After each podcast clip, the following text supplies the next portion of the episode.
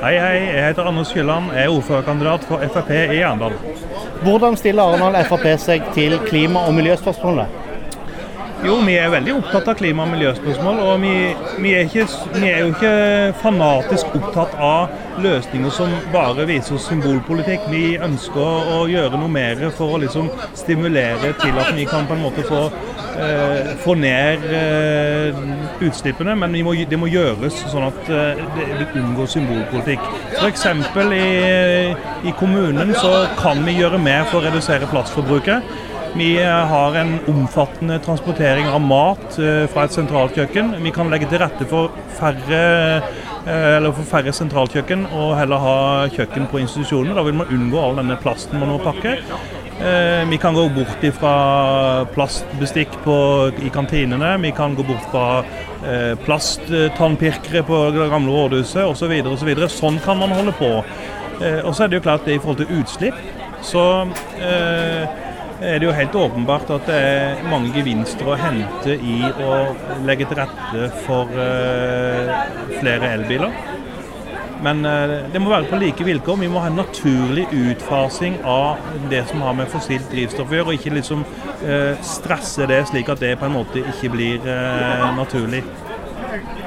Så til bom- og byutviklingspakker og, og avtaler. Hvordan tenker dere om det?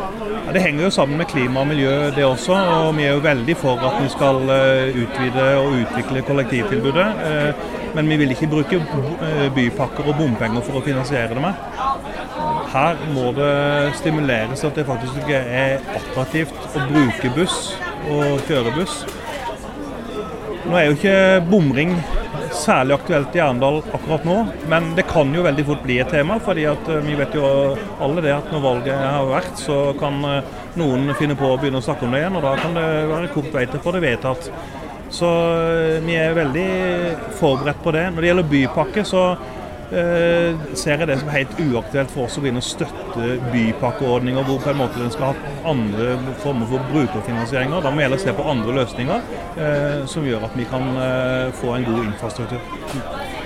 Hvordan eh, tenker dere i Agder Frp at det skal gjøres for å kunne skape en god eh, næringsutvikling i eh, regionen og byen?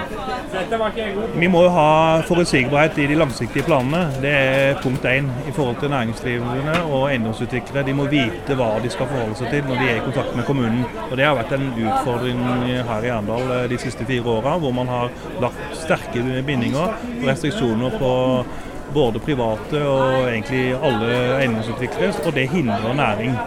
Eh, og så er det jo helt klart at eh, For å få næring så må du ha innbyggere. Da må du legge til rette for at innbyggerne vil bosette seg i Arendal. og Et virkemiddel der er jo å eh, gjøre det mer attraktivt ved å ta bort eiendomsskatten, fjerne eiendomsskatten, istedenfor sånn som det er nå, at man har alle kommunene rundt oss har lavere eiendomsskatt eller ikke eiendomsskatt.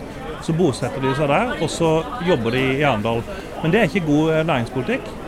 Så det å på, spille på lag med næringsdrivende eh, og, og, bransjen, det er helt avgjørende for oss. Etter valget, hvem kommer dere til å samarbeide mest med?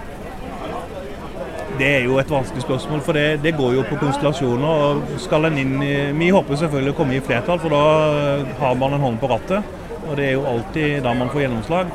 Men de mest naturlige for oss å se etter det å samarbeide med, er jo å samarbeide med de samme partiene som vi samarbeider med i regjering. For da kan man på en måte eh, trekke synergier der, og så kan vi videreføre de erfaringene vi har der. Og, og det har jeg stor tro på at vi skal få, få gått til. Helt eh, til slutt, eh, din hjertesak.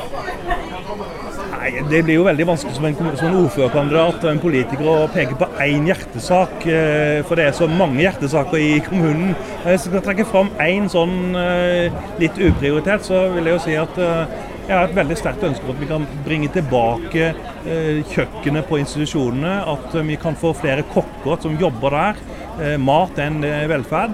Eh, og det at man kan kjenne god middagslukt i korridorene, det betyr mye for eh, beboerne på sykehjem, og institusjonene og omsorgsboligene. Så det, det tror jeg må kanskje være den fremste hjertesaken jeg har.